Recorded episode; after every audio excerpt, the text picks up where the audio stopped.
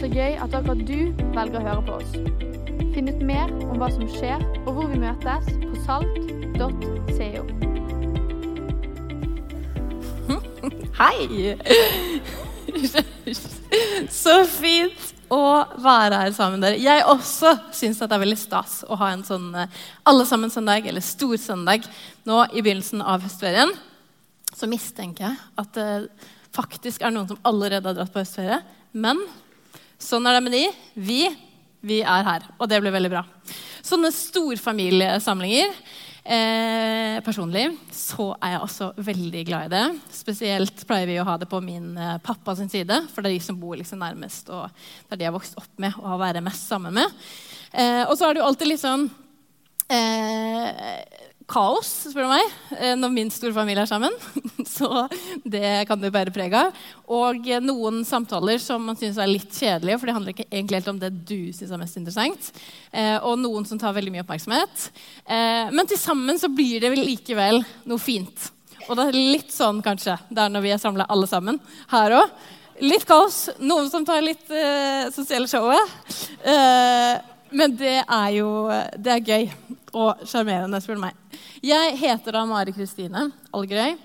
Er barne- og familiepastor her i Salt. Jeg har en mann, og så har jeg da min lille gutt Gabriel, som er litt over ett år nå. Det er veldig, veldig fint. Og så har jeg tenkt å egentlig hoppe ganske rett inn i den teksten som jeg vil ta utgangspunkt i i dag. Eh, og snakke litt om, Se på noen av de disiplene til Jesus, Johannes og Peter spesielt, og snakke litt om disippelskap. Og de møter Jesus på kanskje et av de fineste stedene man kan møte Jesus. På stranda. Eh, jeg syns bare den scenen her virker så episk vakker når jeg ser det for meg når jeg leser Bibelen. Så kan ikke du også bare se litt for deg den, eh, Det er morgen, det er soloppgang, det er, du er på stranda, det er et bål. Det er liksom skikkelig fint, skikkelig god stemning. Og det er etter at Jesus døde og sto opp igjen. Og Disiplene de har møtt Jesus før, men så virker det likevel som de er litt sånn lost, kanskje. De, har, de er litt retningsløse. Så Peter, som pleide å være fisker før han ble disippel, han sier 'Jeg går ut og fisker', og så er det en gjeng som bare sier sånn 'Vi blir med'. Eh, så de tar fram båten, er en hel natt og fisker. Men de får ikke noe fisk. Og så ser de når morgengryr at det står en mann på stranda som sier Kast ut garnet på den andre siden av båten. Eh, og det er jo et råd som egentlig ikke gir noe mening. Nå er ikke jeg en fisker, eh, men eh, jeg synes ikke det gir mening. Men grunnen til at det rådet gir mening, er fordi de har hørt det en gang tidligere. For Jesus har kommet med den anbefalingen tidligere i Bibelen, tidligere i fortellingen. Og det gjør at det går et lys opp for han ene, Johannes, disippelen som Jesus elsket. Og han sier det er Herren, det er Jesus som står der inne. Det er ikke bare en mann. Men han kjenner igjen stemmen til Jesus. Han kjenner igjen i historien sin hva som har skjedd tidligere. De hører på han, men Peter han kan bare ikke vente, så han kaster seg ut av båten. Kommer seg inn til Jesus, og så kommer de andre litt etterpå. Og så er det da denne nydelige scenen hvor Jesus faktisk har tent opp et bål, han har gjort klar mat, og så sier han, 'Kom og spis.' Og så setter de seg rundt bålet. Eh, men så tar denne samtalen her etter hvert en litt sånn ubehagelig retning. For Peter spesielt. Fordi han har jo noe uoppgjort med Jesus. Den kvelden da Jesus døde, så sverga han tre ganger på at han ikke kjente Jesus. At han ikke hadde noe med han å gjøre, at han ikke visste hvem det var. Og tidligere på kvelden så hadde han lovet at han aldri skulle svikte Jesus. Så det var skikkelig krasj for Peter den kvelden. Og Jesus han eh, tar på en måte litt tak i det. Han begynner å pirke litt borti det igjen. Vi kan lese fra Johannes 21, 15.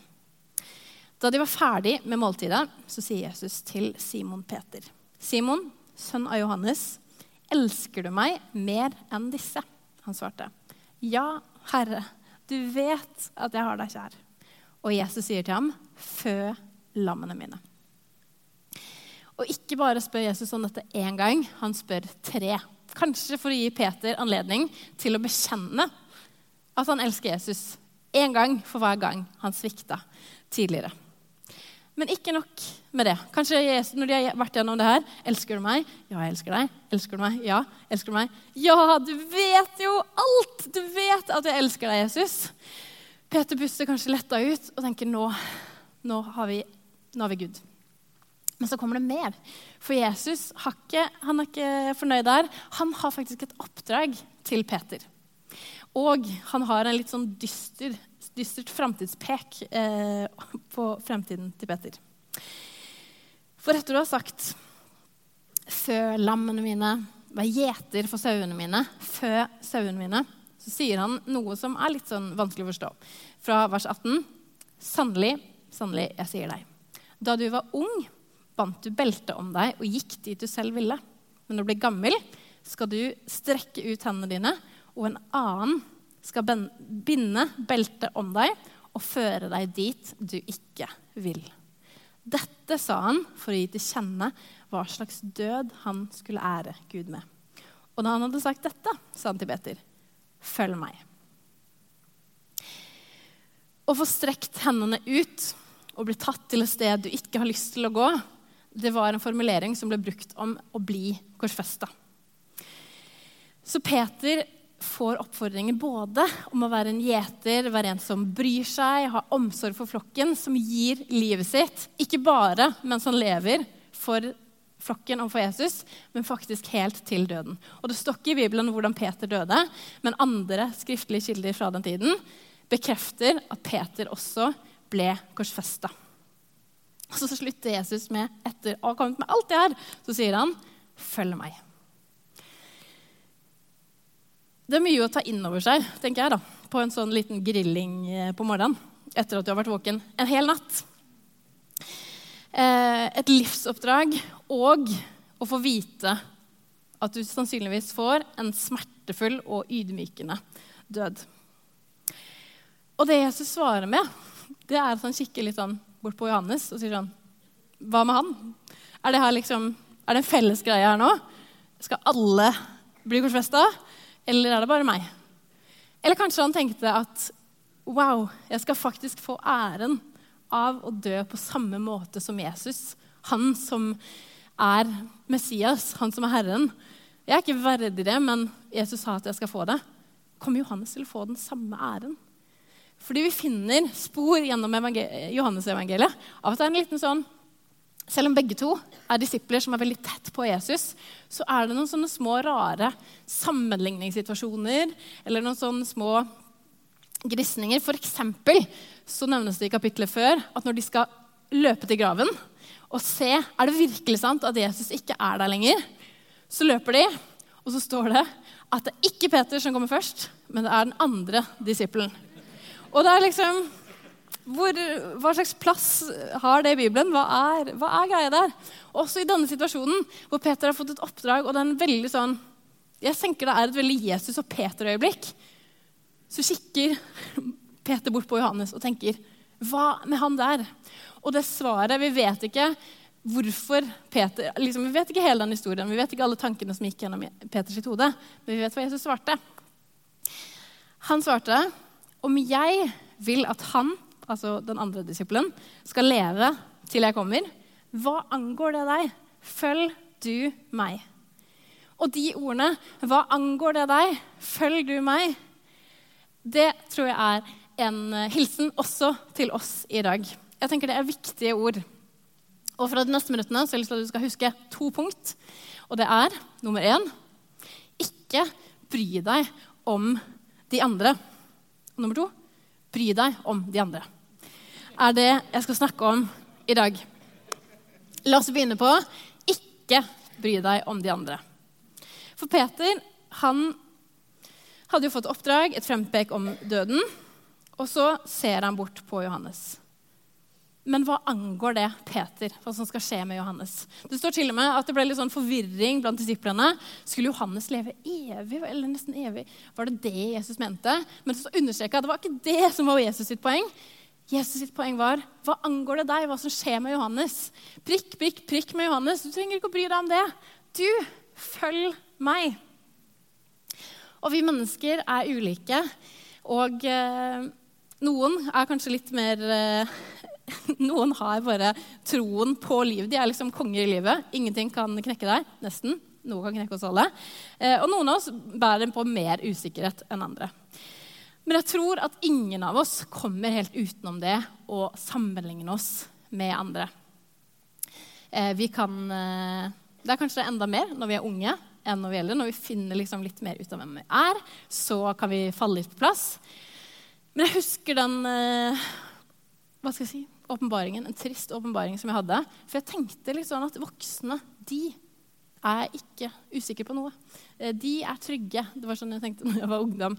Og tenkte liksom, jeg gleder meg til å bli voksen og bare kan legge fra meg alt det der. Eh, og så var det en prat med mamma når vi snakket om hvordan det hadde vært for henne å flytte til en ny by når jeg var liten og ikke kjenne noen. Så innså jeg søren, voksne også kan være usikre på ting. Voksne også har ting å jobbe med. Og det er jo trist, men det er også sant. Um, og så tror jeg at Sammenligning det kan jo skje på mange forskjellige områder i livet vårt, men det kan også snike seg inn i disippellivet vårt. Eh, og der har det ingenting å gjøre. Som på alle andre områder så skaper det bare tapsfølelse. Både for oss, men jeg tror også at vi taper i relasjonene når vi stiller oss opp mot hverandre. Kanskje du har noen som du iblant måler troslivet ditt med. Som Peter kikker litt bort på Johannes. Hva er det som skjer med han der? Kanskje det er noen som eh, i hvert fall tror du, at de er utrolig dedikert til å lese i Bibelen hver eneste dag. Eller de har et vitnesbyrd om at livet deres ble snudd opp ned. Mens ditt liv har liksom bare vært helt sånn greit og fint-ish hele livet. Du skulle ønske at det var sånn bam! Øyeblikk hvor Jesus virkelig gjorde noe fantastisk. sånn at Hvis du hadde fortalt det til vennene dine, så hadde de selvfølgelig blitt kristne med en gang. Eller noen du kjenner som er utrolig frimodige og deler troen sin på en annen måte enn du eh, tør å gjøre. Eller kanskje det er noen som har de fantastiske familieandaktene som garantert kommer til å gjøre at barna deres vokser opp med tro. Eller er det noen som har lest så lite i Bibelen at når du snakker med de, så tenker du sånn hmm, Wow, jeg er jo faktisk en ganske dedikert kristen. Sant? Det blir ikke bra uansett. Hva angår det deg? Følg du meg. Ditt kall er til Jesus. Å bli mer lik han, bli kjent med han. Ikke å bli mer lik de som sitter ved siden av deg, eller å sammenligne deg med andre.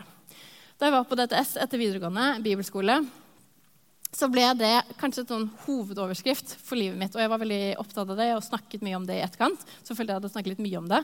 Men i dag så var det liksom det jeg fikk på hjertet, at jeg hadde lyst til å nevne.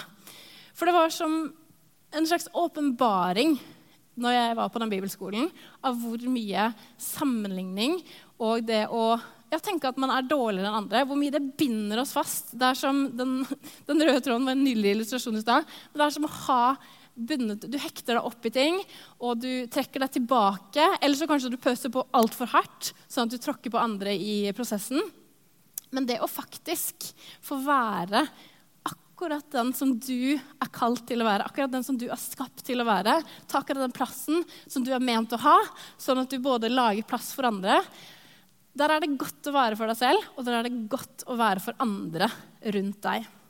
Du er Guds barn. Du har din historie med Jesus. Du har dine erfaringer. Kanskje er det mange, kanskje er det få. Men du er også kalt til en fremtid med Jesus. Jesus har noe for akkurat deg. Sånn som han hadde noe for Peter og noe for Johannes. De fikk, Begge to spilte veldig viktige roller i den tidlige kirken videre. Eh, men de gjorde forskjellige ting. De hadde forskjellige styrker, de hadde forskjellige personligheter. Men begge to har satt et tydelig merke på eh, den kristne historien, på kirkehistorien. Virkelig. Og jeg snakker selvfølgelig ikke om at vi ikke skal Vi kan bli inspirert av hverandres vitnesbyrd, vi kan bli inspirert av livene til andre. Men ikke la det på noen måte trykke deg ned eller holde deg tilbake eller gjøre at du føler at du må liksom komme deg opp. Nei, fordi du skal følge Jesus. Hva angår det deg, hva alle de andre har opplevd? Følg Jesus. Len deg mot ham. Les Bibelen og tenk at den er for deg. Den er Guds ord til akkurat deg. Og Peter han skriver litt senere, fordi vi har flere brev som Peter har skrevet etter hvert som han kommer inn i det oppdraget som han hadde eh, fått. I sitt, det som vi kaller, og som står i Bibelen, er det første brevet. Legg derfor bort all ondskap, falskhet og hykleri, misunnelse og sladder. Og kanskje det var forrige søndag, da fikk du med deg de neste versene. Lengt som nyfødte barn etter ordets rene melk, så dere ved den kan vokse til frelse. For dere har smakt at Herren er god. Når man har fått oppleve at Gud er god, så skal det påvirke både hvordan vi ser på oss selv, hvem vi er, men også hvordan vi er i forhold til menneskene rundt oss. Så hva angår det deg? Hvilken vei de andre har gått? Hva slags uh, disippel, hvor dedikerte de andre er? Du følg Jesus. Nummer to bry deg om de andre.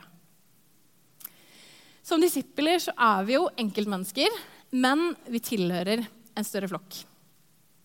Og Teologen Tim Keller han skriver dette i boken sin 'Gud'. Å bli kristen har alltid hatt to sider. En individuell side og en fellesskapsside. Vi i Vesten vi undervurderer gjerne i hvor sterk grad vi er et resultat av mer enn personlige valg. Vi er nemlig også et resultat av vår familie, gruppe, samfunn og kultur.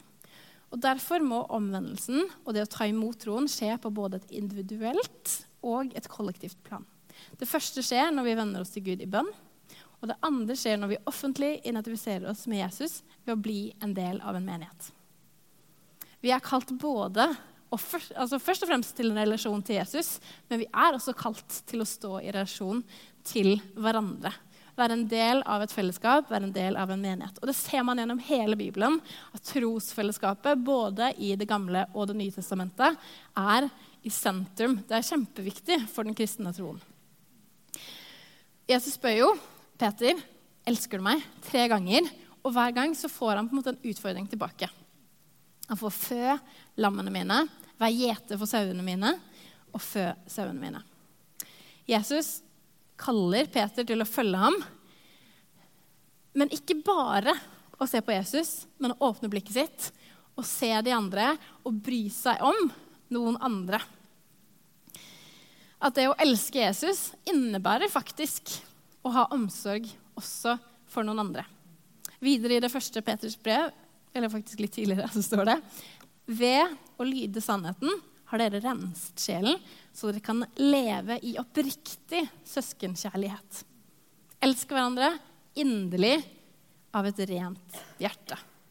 Oppriktig søskenkjærlighet og elske hverandre inderlig av et rent hjerte. Det er store ord, og jeg vet ikke, ikke Det er ikke liksom noe som skjer bare lett, tror jeg. Noen ganger så innebærer det valg som vi tar, og det innebærer å bli forma av Jesus få ta imot hans kjærlighet, sånn at vi har noe å gi videre. Det er jo en sånn hyrdemetafor her. da. Eh, sauer, lam, eh, hyrde, gi dem mat, pass på dem. Eh, og det er jo en metafor som brukes flere steder i Bibelen. Et bilde på først og fremst hvem Gud er i forhold til oss. Og der er jo vi alle små sauer. Søte, kanskje. Rare, Kanskje, eller, jeg syns lam er så søte. Store sauer er jo egentlig litt rare.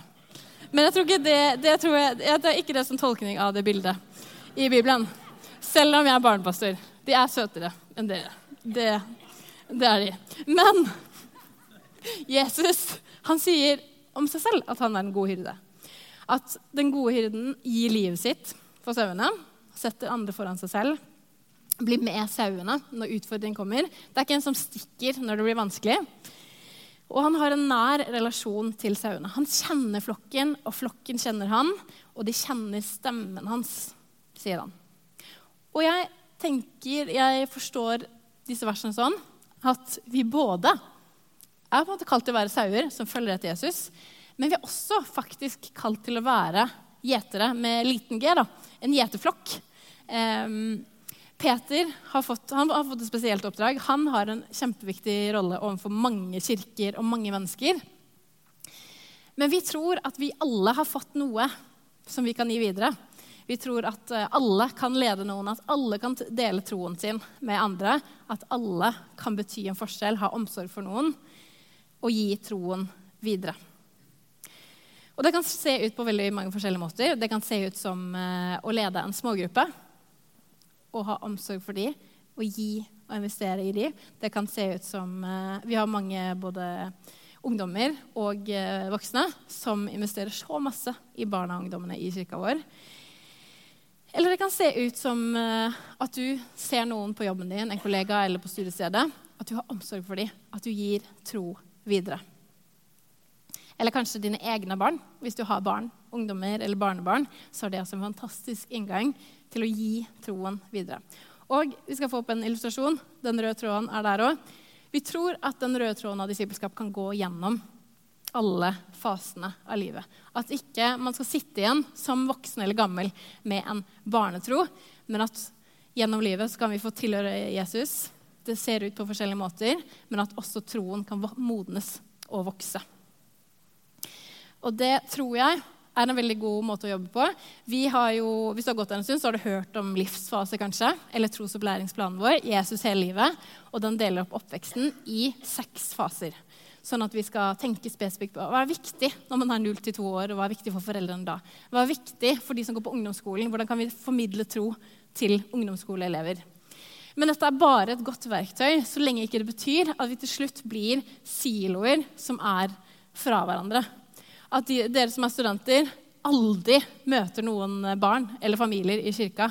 Eller at uh, barna ikke Jeg hørte nå at det er noen barn som på Barnas salgkonferanse de visste ikke at det fantes en voksenkonferanse, som på en måte er fantastisk. Eh, fordi det sier at det, det er ikke bare som barnepassgreie, Barnas salgkonferanse. Det er en ekte konferanse for barna. Men de er bare sånn Å ja, fins det noe for voksne også? Og det er fint at barna vet at det fins noe for voksne også.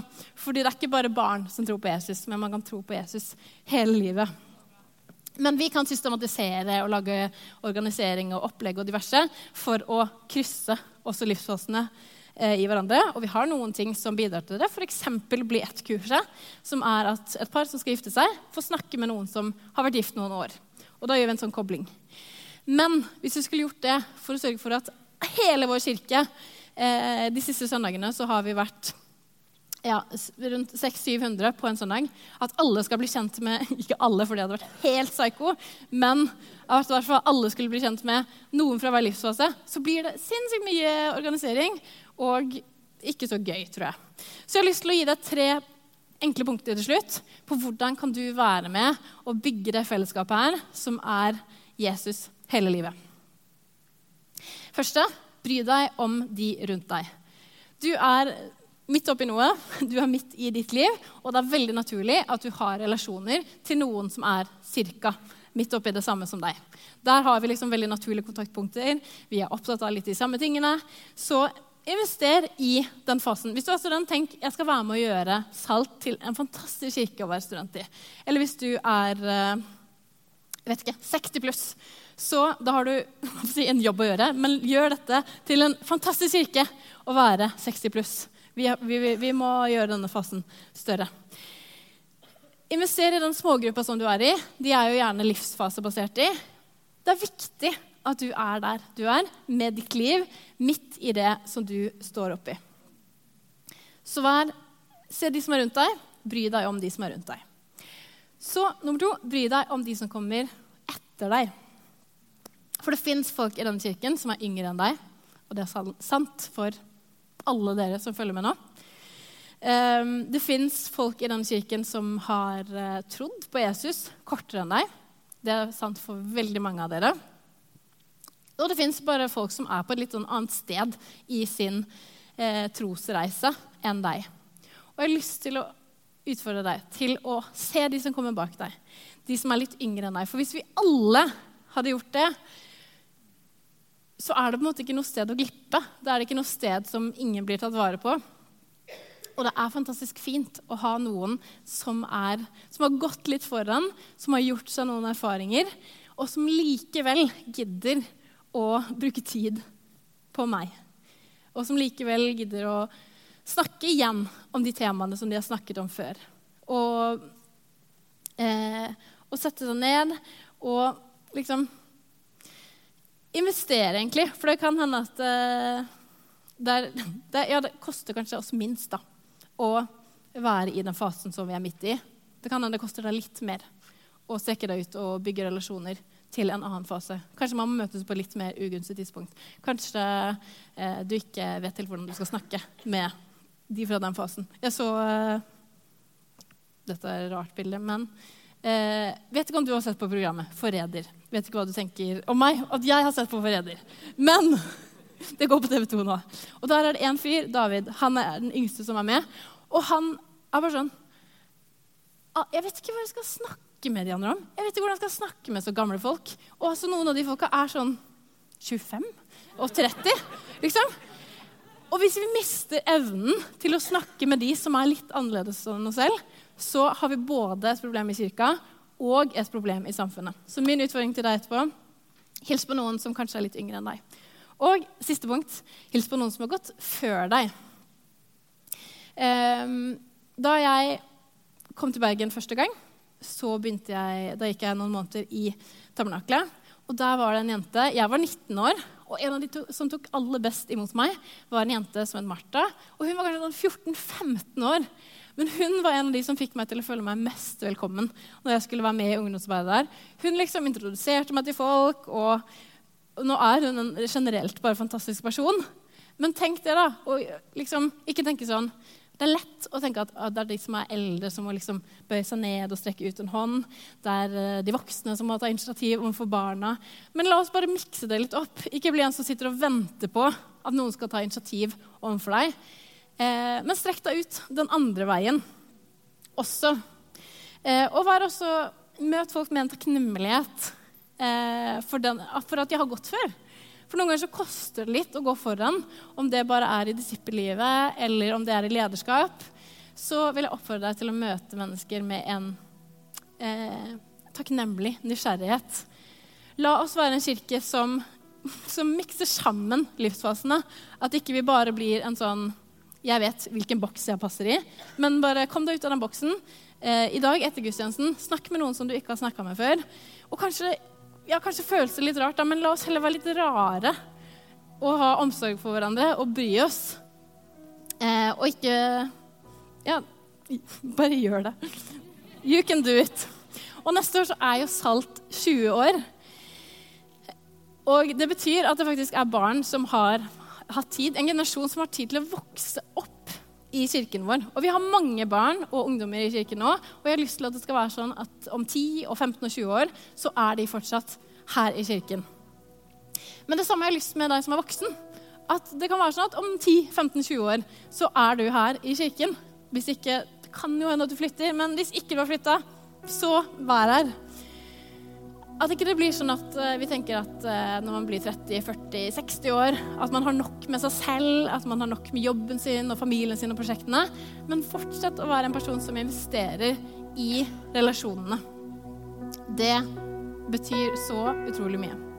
Så ikke bry deg om de andre, men bry deg om de andre. Det er det jeg har lyst til at du skal huske fra i dag. Kan ikke vi Takk reise oss opp. Og så lovsynger vi sammen. Takk for at du hørte på. Håper du snakkes enten her eller i kirken neste søndag. Ha en nydelig uke.